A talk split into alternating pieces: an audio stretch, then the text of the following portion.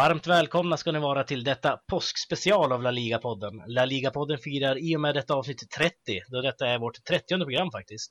Eh, denna vecka ska vi göra på ett lite annorlunda sätt hade jag tänkt, då vi i del 2 ska dela ut lite påskägg, lite påskkärringar och så vidare, som en lite rolig touch på det hela.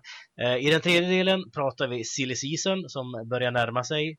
Daniel Jakobsson heter jag och med mig som vanligt har jag Sam Saidi. Hur har påsken varit för dig Sam? Den har varit bra. Eh, jag är, jag är väl inte riktigt en påskfirare så att jag har varit, varit med nära vänner. Eh, Mycket godis kanske?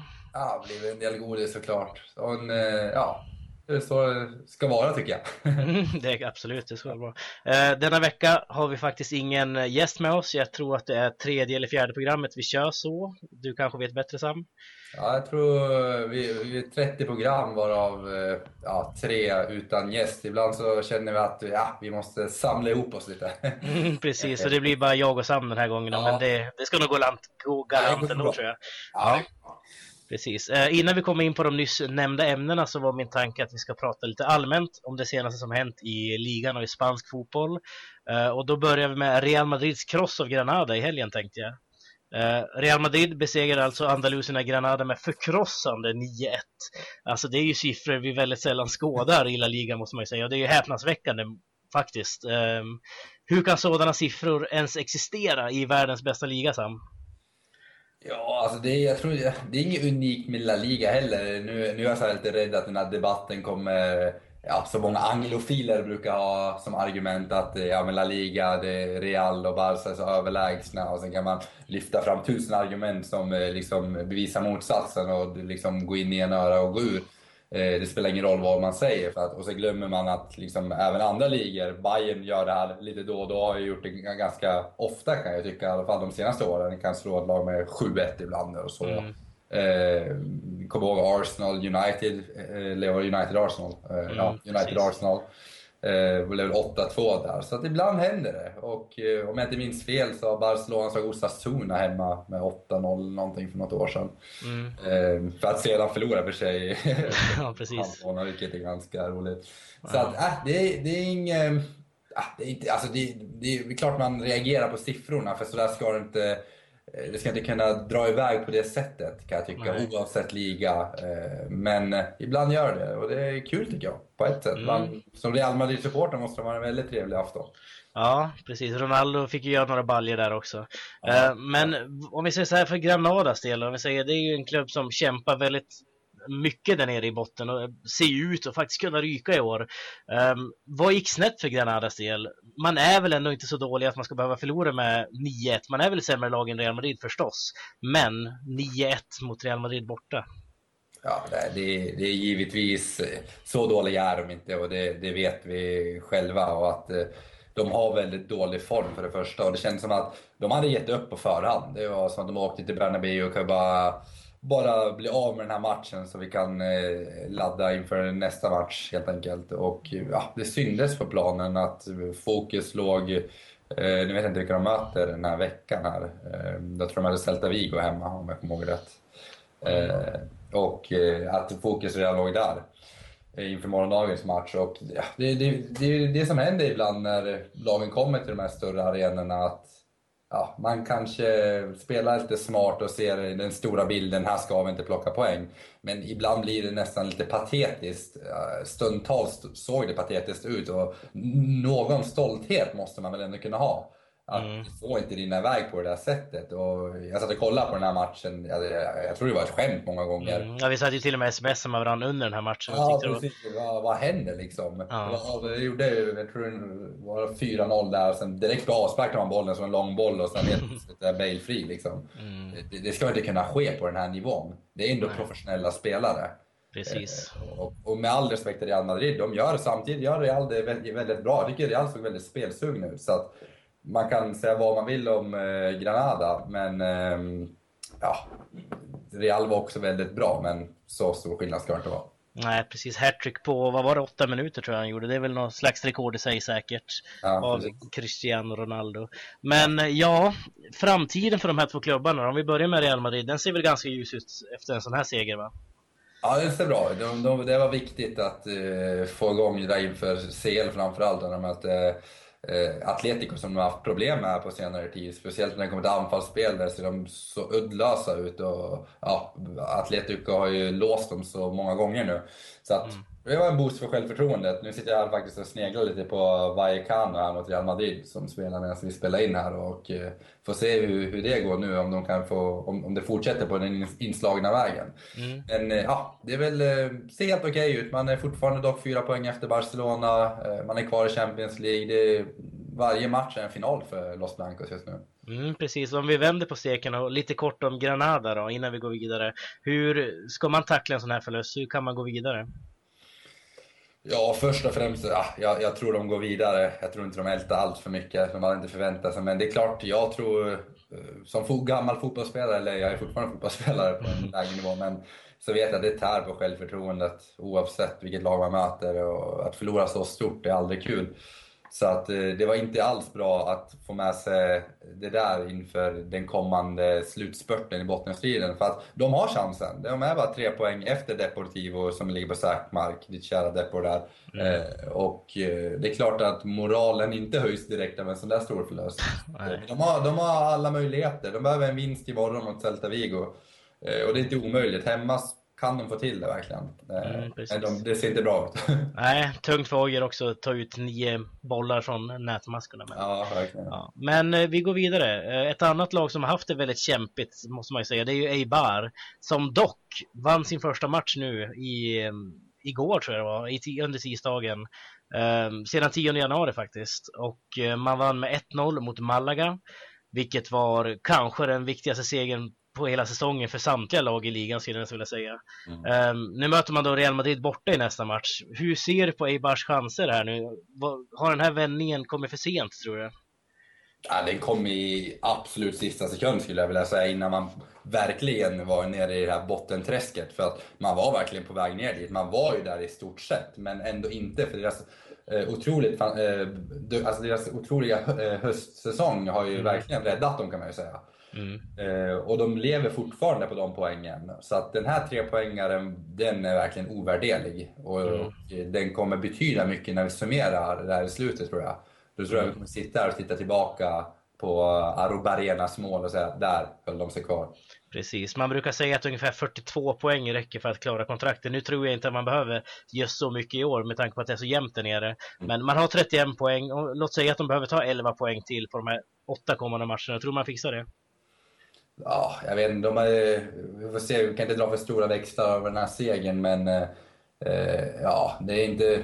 Jag, jag, tror på hemmaplan är de starka. De kommer nog få in en, en två, tre segrar, kanske få in något overt resultat. Eh, jag tror de kommer hålla sig kvar, men jag är inte säker på om de når upp till 42, men ja, kanske. Det är inte mm. omöjligt. Nej, och bortamatchen mot Real Madrid, alltså det kan inte vara så lägligt med tanke på att det till slut vände för bara här nu. Ja, exakt. Nej, det, det var lite dålig timing som du säger, att uh, man nu ställs mot Real Madrid, ett hungrigt Real Madrid, uh, mm. efter att ha vänt den negativa trenden helt enkelt. Mm, precis. Men uh, ja, jag, vet inte, jag gillar Eibar, det är lite favoritlag i podden här. Så, så att, mm, precis. Ett annat favorit... Vad för ett lag? Vi har Eibar och Atletic va? Som... Ja, och Rayo Vallecano har vi lite Ja, Vallecano, ja, tre. Ja. Tredje jag sagt. Ja, precis. Eh, du nämnde Atletic här. Jag tänkte att vi skulle lite kort prata om just Atletic och Iker Munjain faktiskt.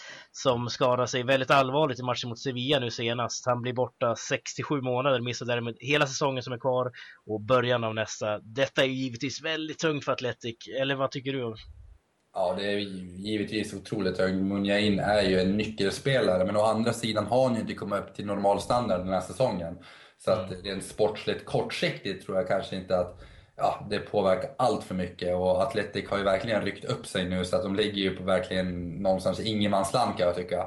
Mm. Ehm, så att ja, den här säsongen, varken bu eller bä att han, att han skadar sig. Mer på ett individplan eller personligen för, för Munjin är ju otroligt tråkigt. Och, eh, ja, det blir ju eh, tråkigt att inte ha med honom i ligastarten nästa, nästa säsong.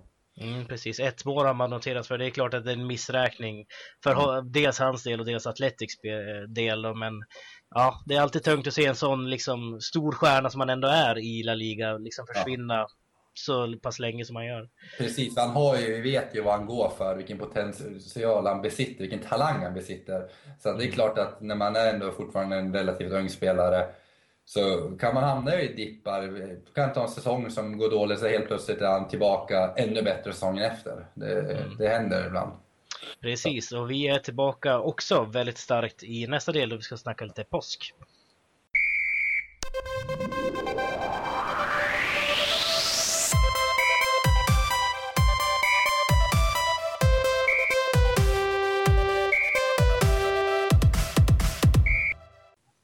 I denna del som är lite annorlunda från det vi brukar ha kommer vi att snacka lite påsk och spansk fotboll, vilket är en härlig kombination tycker jag.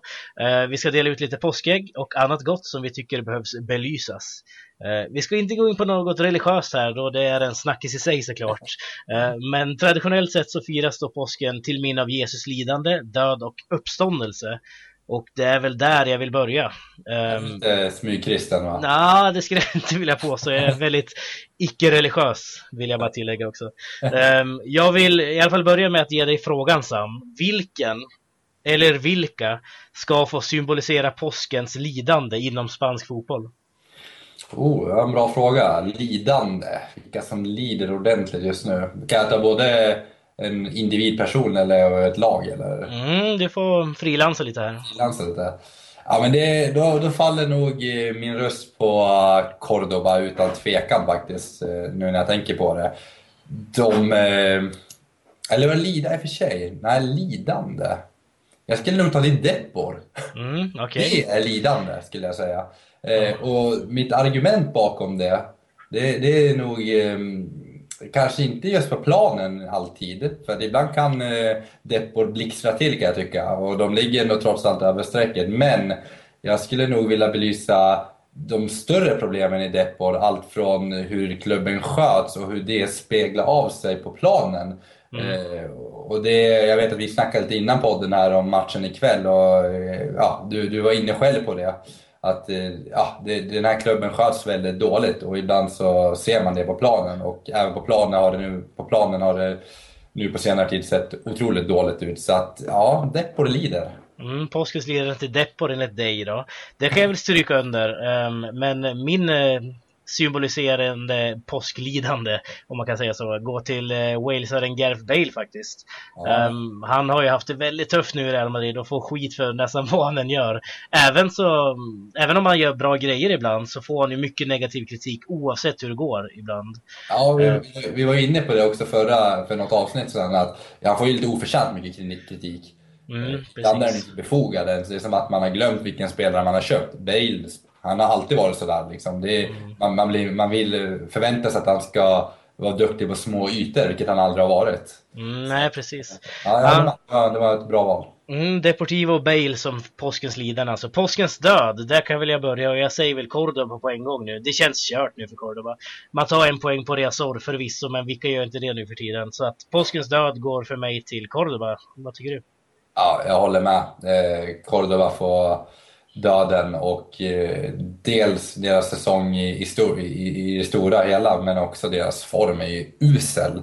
Mm. I, ja, de tar poäng nu då, men vad var det du sa? Här, hur många hade de? 11 raka förluster? Ja, 10 raka förluster. 10 raka förluster och det säger sig självt. Cordoba är döda, de kommer inte hålla sig kvar. Det är, det är kört. Mm, precis, det är bara liksom stryka under. Jag tror att de flesta håller med där också. Um, påskens uppståndelse då? Det är lite mer positiva grejer. Där kan väl du få börja? Ja, jag skulle nog ta Sevilla. Det kändes lite som att de halkade efter efter jul här och mm. det var Valencia verkligen drog ifrån och ökade takten medan Sevilla helt enkelt inte hängde med. Uh, nu ser det helt annorlunda ut. Nu är man i och för sig med en match mer på samma poäng som Valencia och man har fem raka segrar och det ser otroligt bra ut måste jag säga. Mm. Uh, man är kvar i Europa League. Ja, Sevilla går bra och de har kommit tillbaka. Kanske inte var från de döda direkt men de har kommit tillbaka från uh, ja, en, en period som inte har stämt kanske till 100%. Från ett lidande kan man väl kanske säga. Ja, han kommer från ett lidande kan man säga. Ja. Um, vi kan väl notera att Villarreal som var liksom hack i häl i Sevilla för några månader sedan nu är 11 poäng efter. Vilket är liksom, så ja, jag kan väl hålla med där. Min uh, uppståndelse går då till Luis Suarez faktiskt. Um, det är en av mina favoritspelare sen han var i Liverpool bland annat och Uruguay då såklart. Uh, han började ju segt i Barcelona men har ju trampat igång nu måste man ju ändå säga och det är kul att se. Så att han får påskens uppståndelse av mig. Um, köper du den? Ja, jag, jag, håller med. Jag var ju själv en av de som hackade lite på Suarez, att han överarbetade många situationer i, i början eh, när han kom tillbaka från sin avstängning. Men nu, ja, han har sänkt Manchester City, han har avgjort ett Clasico, han gjorde två mål ikväll. Mm. Ser otroligt bra ut faktiskt. Han är den där dimensionen som Barca saknat de senaste åren.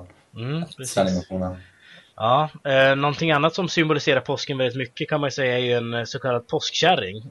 Som man enligt traditionen då klär ut sig till och går ut till familjer, önskar dem glad påsk, överlämnar kanske tecknade påskkort till de familjer man besöker och eh, då är min fråga till dig Sam. Om nu en påskkärring som någonstans ska symbolisera spansk fotboll kommer hem till dig, vem eller vilka skulle du då vilja få besök av? Mm. Bra fråga. Någon man skulle verkligen njuta av att besöka av, eller intressant besök, är väl kanske som, som för en Barcelona-supporter är ju Pep Guardiola kanske det absolut mm. rätta svaret i det här sammanhanget. Men eh, jag vet inte om den här personen har påverkat spansk fotboll, men det har den ju delvis eftersom den har påverkat Barcelona som en del av spansk fotboll. Eh, jag skulle av personliga skäl, av olika anledningar, vilja träffa Johan Cruyff. Han få gärna mm, knacka på min dörr. Eh, han ligger bakom så mycket utav det Barcelona vi har fått uppleva de senaste 20 åren. Mm. Och eh, ja, han, eh, hans fotbollsfilosofi, det skulle vara intressant att ha ett samtal med honom. Mm, vad skulle ni prata om i sådana fall? Ja, jag skulle väl ta lite eh, historiska 90-talet, hur man byggde upp den här filosofin, den här holländska totalfotbollen med tiki-taka Samtidigt som man skulle vilja se, prata lite om dagens eh, situation i Barcelona. Vi vet ju att mm. Cruyff bland annat inte kom överens med eh, det gardet som styr just nu i Barcelona. Eh, utan har inte synts till på Camp Nou på, väldigt, på år tror jag, på väldigt mm. länge. Så att blev av med sin hedersmedalj och allt. Tror inte alls han är med. Sen Rosell kanske, visst var det något sånt va? Vad sa du? Sen Rosell kom in i klubben. Exakt, så, så har man eh, har man verkligen eh, behandlat honom dåligt tycker jag. Så det ska vara intressant att se hans syn på det här. Mm, så din påskkärring går alltså till eh, Johan Cruyff då med andra ord? Ja, verkligen. Pjoll ja. Pjoll, ja precis. Ja, eh, min postkärring då, om Cruyff symboliserar liksom Barcelonas 90-tal och sådär så skulle jag vilja, vilja, få besök av Juan Carlos Valerón som någonstans symboliserar Deportivo La Coruñas 2000-tal. I alla fall mitten och början av det. Um, han får gärna komma med liksom ett påskkort eh, och berätta om sina passningsstrategier och så vidare. Det hade ju verkligen behövts i Deportivo just nu och det skulle vara kul att höra världens bästa passningsspelare enligt mig. Jag vet att du kanske inte håller med över Xavi där någonstans ja, under har, sin tid. Vi har debatterat det där ofta. ja, precis. Det är Xavi versus Valeron. Mm, men de där djupledspassningarna rakt bakom backlinjen till Macayo grabbarna, det var... Mm, jag vet inte om Xavi någonsin kan ta dem. Det är lite mer sidleds Daniel över Xavi skulle jag vilja påstå. Nej, ta den här diskussionen en annan gång. ja, okej. Okay. Um, ehm, Någonting annat som är väldigt traditionellt i påskfiranden är ju såklart de här så kallade påskäggen som man delar ut. Um, om du skulle få dela ut ett sånt här påskägg nu, och det brukar ofta vara blandat med liksom så här godsaker och liksom saker som man vill göra för att kanske uppmuntra någon eller liksom få dem på bra humör. Uh, vem eller vilka, vilken spelare, manager eller klubb skulle du vilja ge ett sådant påskägg till och vad skulle det påskägget innehålla? Ja, jag skulle väl eh, framförallt ge en forward till eh, de som har behov av det. Då tänker jag ju framförallt på eh, Granada som har gjort mm. 19 mål om jag kommer ihåg rätt nu. Mm, precis. De skulle må bra av en forward. Så vem skulle man kunna ta? Jag skulle kanske, det är svårt att locka till sig, eller, ja, locka till sig en anfallare när man ligger i den position i tabellen som man ligger i. Men helt orealistiskt vore det väl inte få Baston, kanske. Mm. Mm, just det, bara för Baston ja. Ja, i och för sig får man dela ut två påskäggar. Mm, du får dela ut hur många du vill. Ja, jag, jag tror jag tar Baston till Depor faktiskt. Eh, mm, de behöver också en anfallare tycker du eller? Ja, de, tycker, de behöver också en anfallare. Så Depor får Baston som eh, leder fortfarande skytteligan i sekunden. Det det tror jag, jag antar det. Ja, I alla fall, han har ju varit Depor också, så att han skulle få göra, han, jag tror Depor skulle må bra av honom. Han, han är nog redo för eh, Primera nu, inte behålla. Vem ska man ge till, till eh, Granada då? Um, ja, har vi någon gammal räv vi kan slänga in där? Alltså, jag skulle kunna slänga in eh, den gamle Portillo, kommer du ihåg? Ja, just det. Real Madrid-produkten, ja. Ja, han spelade i Castilla Jag fick aldrig chansen riktigt, men jag kommer ihåg på de här gamla goda CM-spelen vi brukade spela. Det var, ja. var ganska, hade hög potential. Jag tror han mm. spelar i Segunda B nu. Eh, eller, mm, nere med Hercules, ja. Ja, med Hercules, just det. Och eh, ja, han börjar komma till åldern eh, 33 år, eller 34 år var när han 82 mm. um, så att eh, det är inte heller helt orealistiskt och han skulle nog kunna vara en fox in the box och peta in några bollar för Granada. Ja, härligt. Ja, bra, bra påskägg måste jag säga. Um, om jag ska dela ut ett påskägg då så skulle jag börja med att skicka ett påskägg fullt med avskedsansökningar till Javier Tebas och hela ligaförbundet faktiskt. Um, de känns alldeles för korrupta nu för tiden och uh, den här munkaven man har satt på supportrarna och som dessutom präglar hela spanska samhället just nu är ju inhuman måste jag ju säga. Och den, eh, nej jag tycker de ska avgå allihopa därför man ska faktiskt kunna få protestera och strejka om man känner för det utan att kastas i fängelse liksom. Okay. Um, så ja, mitt påskägg går ju dit. Um, och sen så ett annat som du var inne på här nu, en anfallare till Granada var jag också lite in och tänk, tänkte. Jag tänkte en Diego, Diego Tristan typ där som verkligen gör de här målen. Men um, visst, Portillo funkar. uh, och så såklart måste ju Iker Monja in för ett påskägg också. Krya på dig påskägg. Ja, det får han. får ett specialgjort påskägg med massa godis. Precis. Um, har du någon, någon nytt, något extra påskägg du vill dela ut här eller känner du dig nöjd? Nej, jag tror vi stannar här faktiskt. Um, jag tror vi, vi, vi fokuserar på de som verkligen är i akut behov just nu och det tycker jag är Depor och eh, eh, Granada med tanke på den snåla målproduktionen. Ja precis, Cordoba de ignorerar vi bara. Nej, de är döda. De, de är helt döda. Påskens död. Mm. Precis, de kan vi inte ge något till. Nej, det var väl den enda punkten vi var eniga om också tror jag. Ja, verkligen. Så att eh, topplagen, nej, det är lyxproblem bara. Ja. I, i, om vi jämför med bottenlagen här. Precis. Så, klart, alla behöver eh, förstärkning eller något påskägg oavsett vart man ligger i tabellen. Men vi är till dem efter behov. mm, precis. Um, vi ska sätta stopp för del två här och när vi är tillbaka med del tre ska vi snacka lite silly season.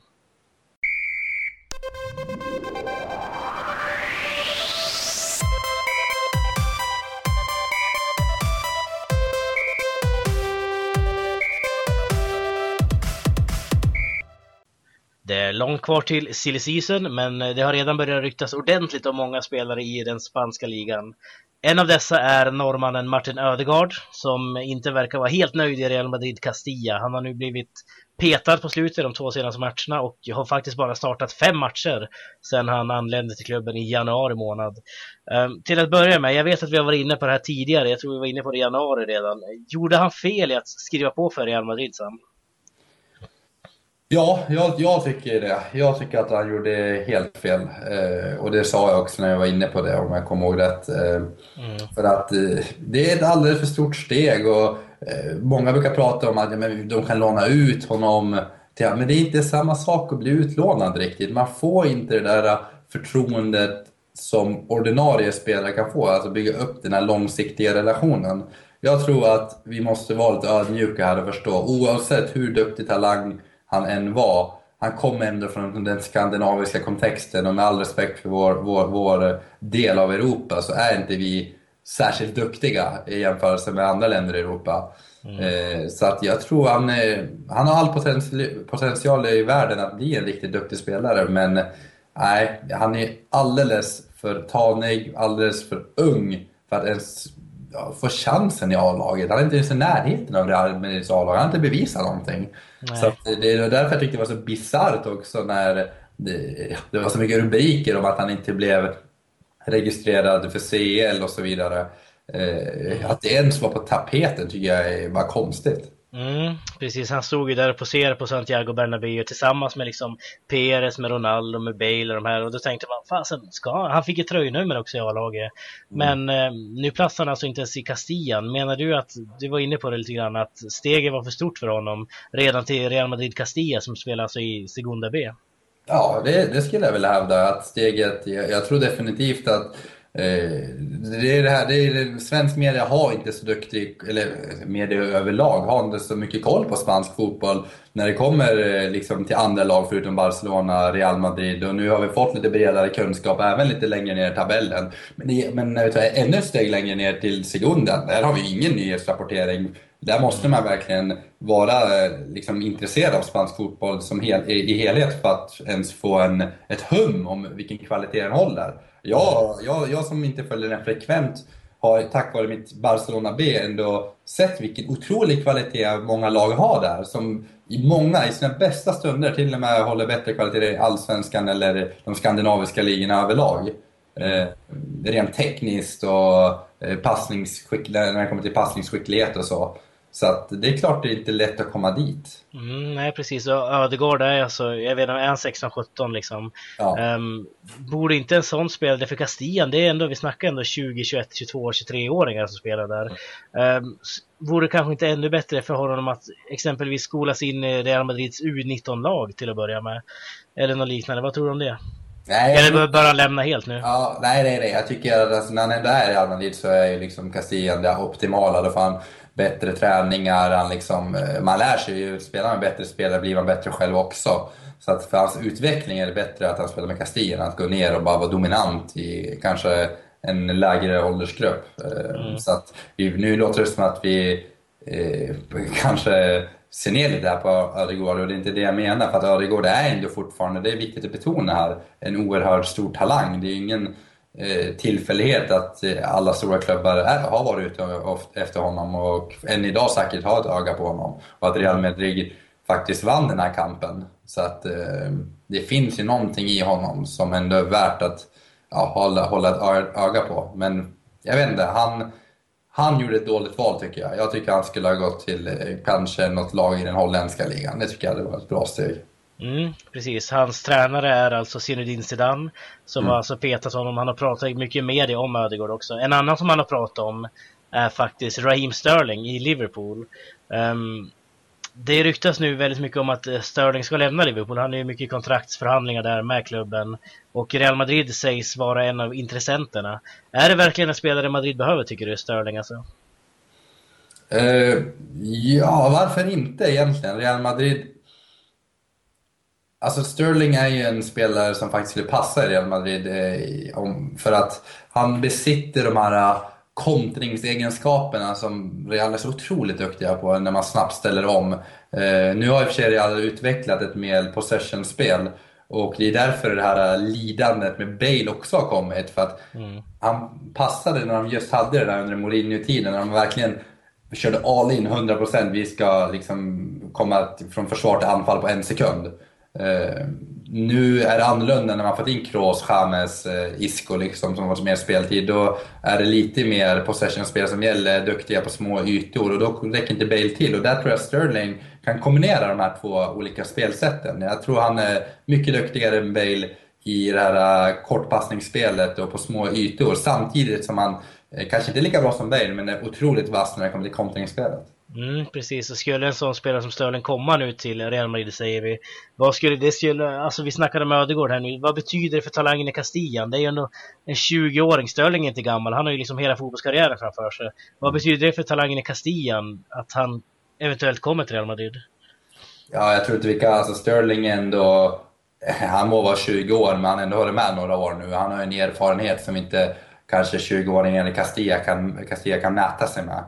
Så att, mm. eh, det är klart att det är, en, det är en annorlunda 20-åring jämfört med dem i B-laget. Men det är klart, det där är alltid en svår avvägning. Det vet jag själv när det kommer till La Masia och eh, Barça B här. Eh, att ja, det gäller att sända rätt signaler helt enkelt.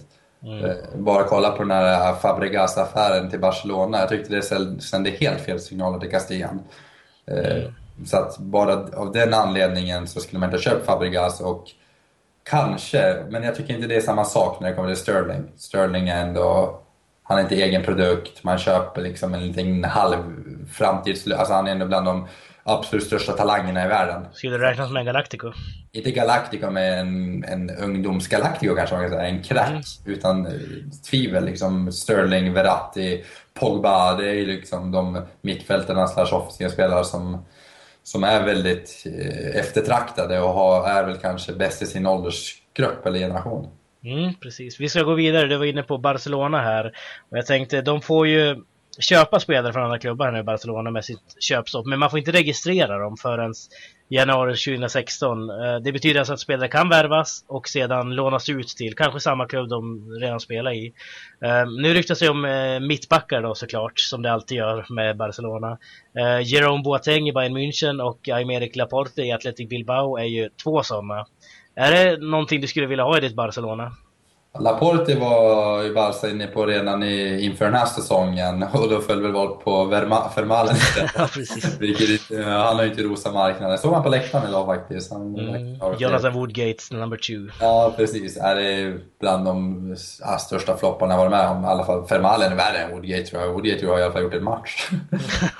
Vi får se, tiden får utvisa. Men absolut, eh, Laporte, det är framtiden en otrolig potential, vänsterfotad, fantastiska crossbollar, fortfarande lite eh, liksom kan blanda och ge lite med juniormisstag då och då, men nej, han är otroligt stabil. Och, eh, jag skulle tacka nej till Laporte samtidigt som jag tror han skulle må bra av att ha kanske ett år till i Atletic. Jag tror han skulle passa bättre ett, ett litet tag till. Boateng är ett säkrare kort, men eh, jag, är, jag är inte så jätteförtjust i Boateng. Jag tycker att han sticker inte ut på något vis. Han gör jobbet, han är stabil. Det är ingen så här uh, wow. Och det, ibland så räcker det för Barcelona. Samma sak med Mathieu.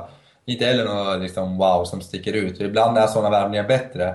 Eh, Boateng har liksom smält in i två otroligt duktiga lag. Jag tänker dels i tyska landslaget men också i Bayern. Att det har varit välfungerande kollektiv. Och jag är osäker på att på, på att tänka axla den när, när Barcelona hamnar i de här dipparna, när liksom att man behöver någon som tar tag i det, då är jag inte säker på att Boateng kan vara den spelaren. Nej. Kanske, nej, vet inte. Mm, men innan sändningen här så pratade vi lite grann om Barcelonas köpstopp. Och du sa då att det kan vara en positiv grej. Hur menade du där? Ja, alltså det är klart det är aldrig positivt att eh, man har ett köpstopp egentligen. Det, det säger sig väl själv, själv. Men jag tänker snarare om man hamnar i en duell om någon spelare med andra stora klubbar, med Real Madrid låt säga. Eh, och eh, den klubben man vill köpa ifrån kanske, låt oss säga Royce som har varit mycket på tapeten. Mm. nu har han i och på nytt, men om vi skulle ta en Royce som ändå de vill ha kvar till varje pris, men som förut hade liksom eh, ett utgående kontrakt på gång. Då hade man i en sån, en sån eh, hypotetisk situation kanske hellre sålt, sålt eh, honom till Barcelona eftersom att man kunde få ut dels cashen för honom, sen det skulle gå gratis året efter, och samtidigt fått behålla honom en halv säsong. Mm. Och det skulle kunna vara till Barcelona fördel, men nu om det kommer till en annan spelare nu. Men det är klart, å andra sidan kan man ju vända på det också och säga att äh, det, det blir till Barcelonas nackdel i och med att klubbarna om, vill kunna bygga långsiktigt, då vill de inte ha kvar en spelare som kanske sticker efter en halv säsong. Och detsamma gäller Barcelona och spelaren i fråga själv, som kanske vill komma till sin klubb och anpassa sig så snabbt som möjligt. Mm, precis. Jättekort tänkte jag att vi skulle avsluta den här delen med vad du känner inför sommarens silly season här nu. Är det, om du får peka ut bara en grej som du känner att oh, det här vill jag ska hända, vad är det då? Jag känner att, nu blir det lite fokus här på toppskiktet, ehm, men jag, jag känner att jag vill att Atletico fortsätter. Man öppnar plånboken, fortsätter bli nära konkurrenten, utmanar Barcelona och Real Madrid, som man har gjort de senaste åren nu. Ehm, mm. Och detsamma, jag vill bredda ut där och hoppas att Valencia fortsätter på den inslagna vägen. Inte liksom bli uppköpta, jag tänker på Gaia som har ryktats till Real Madrid nu. Mm. Eh, eller, eh, och, och detsamma gäller Sevilla, att de också kan bli en sån här, ja, som kanske hänger med lite längre in på mm. säsongen. Och det båda gott. Den här säsongen har båda de här lagen imponerat. Men eh, några tunga pjäser till. Om de får in lite, värva smart nu så kan man ta ännu ett steg till nästa säsong. Precis, och jag skulle då vilja fokusera lite på Rayo Vallecano om jag ska säga min röst. Eh, jag vill ju att, för det första att Alberto Bueno stannar kvar, det skulle vara väldigt kul för Vallecano. Tror du det? Eh, ja, jag tror inte det, men jag hoppas det. Sen så hoppas jag även att man värvar in lite mera passningsskickliga mittfältare, lite bollfördelande spelare som liksom kan köra på vidare med det här som Paco Schemes försöker med ja, i Rayo. Eh, vad tycker du om det? Nej, klockrent. Eh, klockrent val eller eh, något du belyser här som är viktigt. Jag tror Paco Schemes en otroligt intressant tränare och jag, jag beundrar honom. Och jag tror med ett lite bättre material. Eh, han har fortfarande duktigt material, men spelarmaterial, få in några, några, intressanta spelare så skulle det vara intressant att se vad Paco Schemes kan göra med det. Vi har själv snack, eller vi har ju båda snackat om att vi tror att till och med Paco Schemes själv skulle kanske vara redo för ett, ännu ett liksom, kliv upp. Mm, precis, kanske till ett Sevilla exempelvis. Ja, jag tror han skulle kunna göra riktigt bra i, en, ja, i dem, en, en Sevilla, Valencia, en sån motsvarighet. Mm, precis, härligt. Eh, vi ska faktiskt avsluta programmet, men innan vi gör det så har ju du en veckolista du ska presentera för oss. Ja, vi kör vidare på den. Eh, och eh, veckans Tokero, det, ja, det är väl, vore väl nästan tjänstefel att inte ge det till Ronaldo. Mm. Eh, oavsett om, vi brukar väl kanske mäta Messi och Ronaldo med andra måttstockar, men eh, nej, gör man fem mål oavsett hur dåliga eh, Granada var så spelar det ingen roll. Fem mål är alltid imponerande och det förtjänar veckans Tokero, Cristiano mm. Ronaldo. Det kan jag bara stryka under det också. Veckans Faber då? Veckans Faber, det sägs väl själv. Har man en, någon som gör det riktigt bra eller någon som ibland har gjort det lite sämre och det får gå till all, eller till Granadas försvarsspel. Ja, nio insläppta. Ja, det är liksom, det är ju... Ronaldo, många mål, han gjorde nog faktiskt några klassmål ändå, något då. Jag tror det var något skott där som ändå var väldigt imponerande. Men det var många konstiga ingripanden av försvaret. Jag förstår inte vad backlinjen höll på med och vart pressen var. Det, det, det gjorde ont att se, oavsett om man inte håller på dem. Det, mm. man led nästan, kanske. Mm. Kan ha fått lidande, få en liten lidande också där. Ja, precis. Eh, vi har varit inne på mycket om Granada, Cordoba, Depor. De, de har det tungt de där lagen nu. Ja, Dessutom måste man nämna Almeria nu också som faktiskt har sparkat Juan Ignacio Martinez. Men det kom precis innan vi började sända det här. Så ja. det ska vi då nämna nästa vecka istället. Ja, vi får snacka lite om det då. Får vi ta in eh, någon eh, gäst som kanske kan snacka lite Malmö Precis. Eh, men vi sätter stopp här. Tack så mycket för att du medverkade även denna vecka Sam. Tack själv. Vi ses nästa vecka igen. Det gör vi. Tack så mycket. Hej då. Tack. Hej då.